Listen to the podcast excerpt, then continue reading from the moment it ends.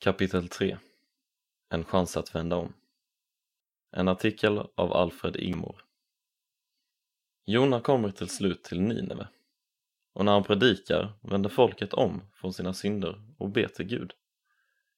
Eftersom Gud älskade dem så mycket fick både Jona och folket i Nineve chansen att börja om på nytt. Det är inte ovanligt att man hör folk säga att Gud i Nya Testamentet är en annan Gud mycket bättre och snällare än den vi möter i Gamla Testamentet.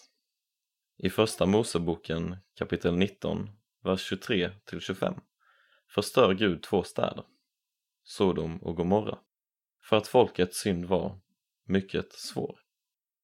Det här är en svår text som tål att brottas med.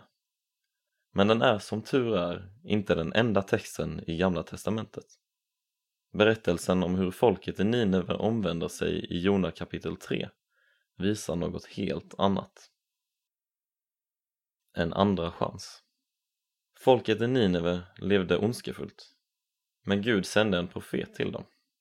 Jona predikade och varnade folket. Om 40 dagar ska Nineve förstöras. Jona kapitel 3, vers 4. Att Gud sänder Jona är en gåva även om Jonas uppgift är att tillrättavisa. Om någon skulle påpeka att jag smaskar skulle jag förmodligen bli generad, men framförallt irriterad.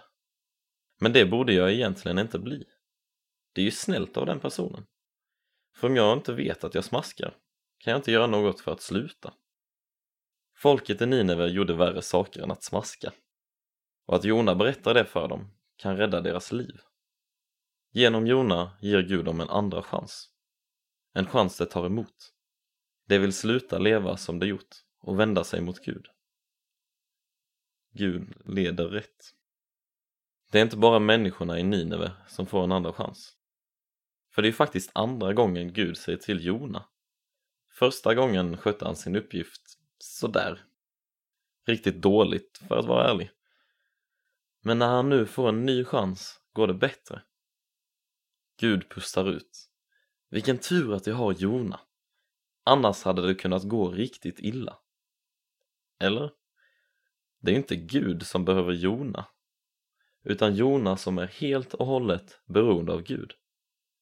När Gud kallade Jona till att predika i Nineve var det inte för att Jona skulle få tillfälle att visa upp sig själv och sina skills i att predika. Istället var det en möjlighet för Jona att bli använd av Gud att tillsammans med honom få berätta för människor att Gud vill rädda dem från undergång. Och Gud visar för Jona att han gör rätt i att lita på honom. Gud visar för Jona, och för dig och mig, att ett liv med honom inte är en one-man show utan en resa där vi människor får lära känna hans stora kärlek. Jona och Jesus om du nu hör någon säga att Gamla Testamentets Gud är ond och hemsk, öppna då Jona kapitel 3. När Gud leder Jona till Nineve för att rädda folket där är det en djup kärlekshandling. Men detta innebär inte bara att Gud i Gamla Testamentet blir lite snällare.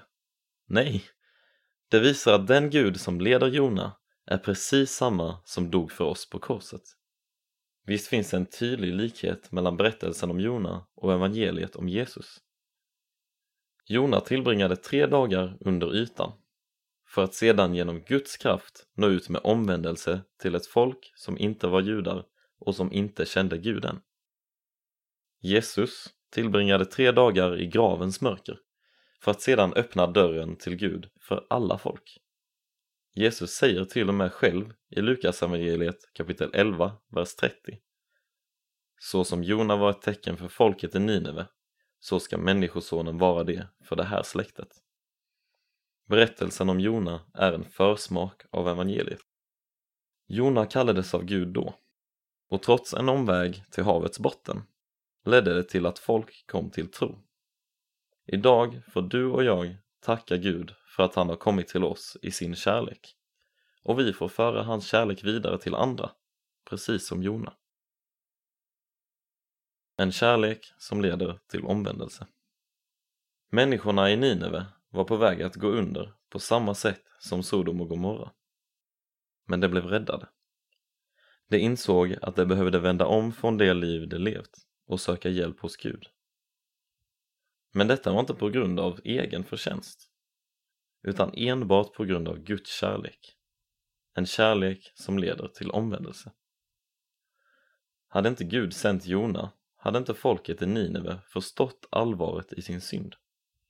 På samma sätt får du och jag be Gud om hjälp att vända om från oss själva och rikta blicken mot honom. Gör vi det kan vi lita på att hans löften om att vara med oss håller.